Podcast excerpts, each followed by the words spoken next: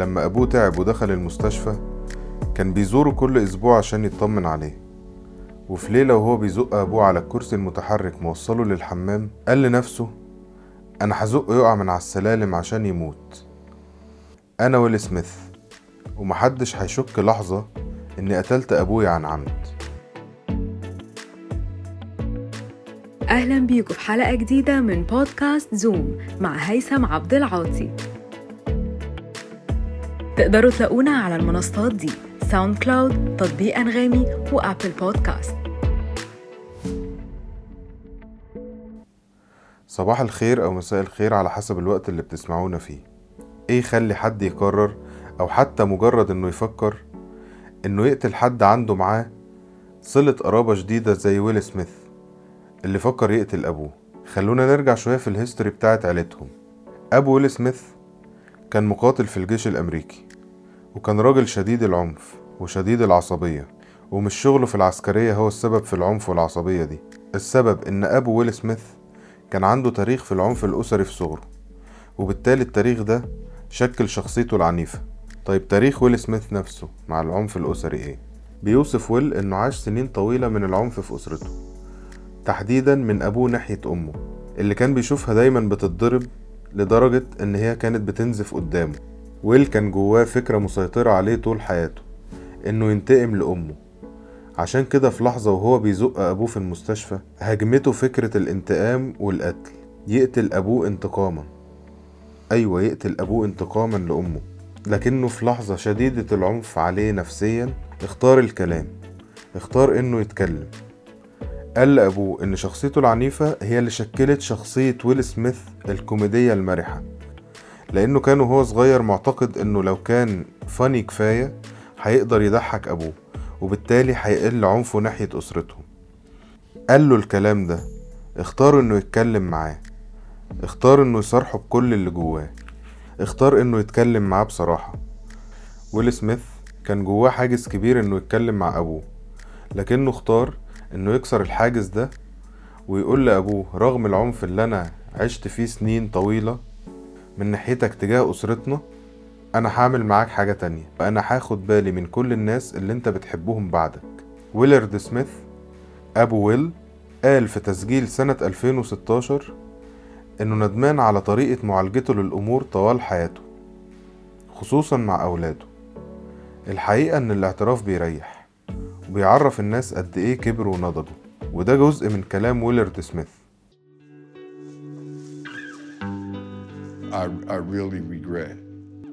And I, I wish I had that, had had that ability to give things more thought before reacting. اللحظة اللي ويل سميث قرر فيها إنه ما يقتلش أبوه عقابا على العنف اللي عاشته الأسرة مع الراجل ده هي أصعب لحظة ممكن تعدي على البني آدم لأنه بيبقى في إيده أسهل حل للانتقام لكن اللحظة الصعبة دي هي اللي بتكون الصفاء النفسي لما الإنسان يقرر إنه يتسامح مع الشخص اللي أذاه وده يمكن اللي عمل بينهم رابط the doctors told us he had six weeks to live.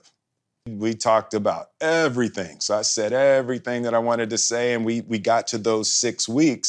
We were clear. But then he lived for another three months. كمان ويل سميث بيعلمنا درس مهم قوي. لازم نعترف للشخص اللي أذانا نفسيا.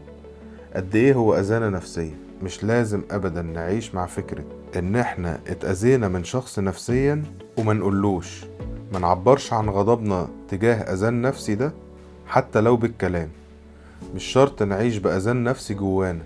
كمان لازم نعبر قوي بكل طاقتنا وبكل الطرق عن حبنا وعن تقديرنا للناس اللي بنحبهم. عشان ما يجيش علينا لحظة نقول فيها يا ريتنا قلنا يا ريتنا حاولنا يا ريتنا ما ضيعناش الفرصة من ايدينا. كمان لحظات الوداع لازم نودع اللي بنحبهم بكل حب وبكل طاقة إيجابية وبكل شكل حقيقي وبكل الطرق اللي تقول له أنا مبسوط إن أنا شفتك أنا مبسوط إن أنت عديت على رحلتي أنا مبسوط إن أنت اتكلمت معايا. But the lesson was you should never greet someone casually or say goodbye to someone casually. And that lesson came from that experience. Every moment was so rich. Every time we saw each other, ah.